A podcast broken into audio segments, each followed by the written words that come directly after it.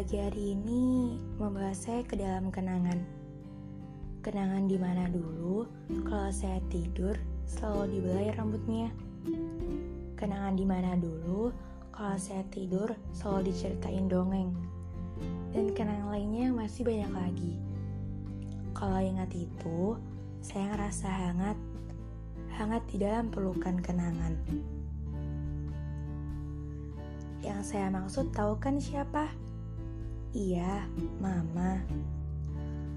Mama yang gak pernah mau bikin hati saya terluka, tapi saya yang bikin hati mama terluka.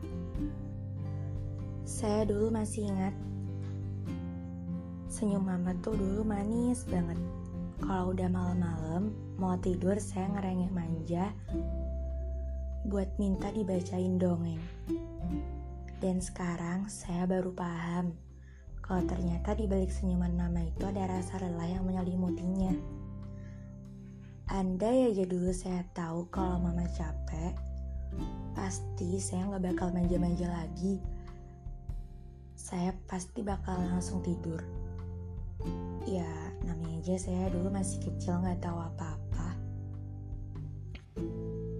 Dulu, kalau saya buat salah, mama nggak pernah capek buat nasihatin saya.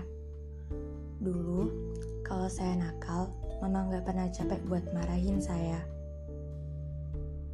Dan bahkan, ritual itu berlanjut sampai sekarang. Itu udah jadi hal favorit mama. Saya pikir, mama-mama di seluruh dunia itu suka ritual yang kayak gitu. Udah jadi favorit. Dulu, kalau mama nasihatin atau marahin saya, saya diem. Sekarang beda lagi. Ini malah makin nyebelin. Diem, tapi di dalam hati ngerengek. Kayak gimana ya? Di dalam hati jawab gitu. Kayak makin gede tuh, makin males dengerin omelan mama. Padahal ya saya tahu mama itu sayang sama saya cuman kiranya jengkel aja gitu. Sekarang yang salah siapa? Kita kan kenapa kita yang kesal dengerinnya? Saya rasa hal kayak tadi itu ritual yang disukain sama anak-anak di luar sana. Ya termasuk saya. Kalau ada yang tanya siapa rumah yang paling nyaman? Jawabannya bukan pacar tapi mama. Rumah yang lindungin saya dari segala sesuatu, rumah yang lindungin saya dari panas sinar matahari, dan rumah yang lindungin saya dari rintik hujan.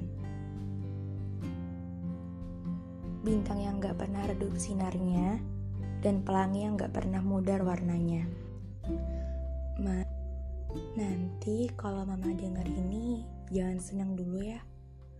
Ini gak ada apa-apanya sama perjuangan mama. Ini biasa aja kok. Singkat, cuma 4 menit. Gak bermakna. Cuman saya gak tahu mau bikin apa di hari ibu ini. For the first time. Ini buat superhero saya dan buat superhero lainnya yang ada di seluruh dunia. Buat mama saya dan buat mama-mama di seluruh dunia. Selamat Hari Ibu, Ma. Buat mama yang terbaik,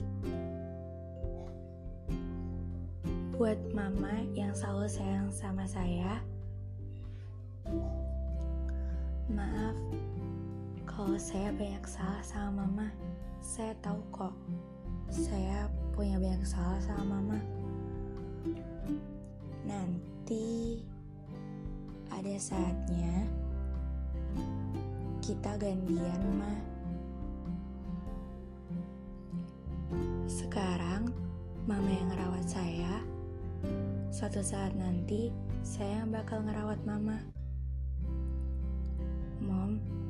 You are my euphoria. I love you.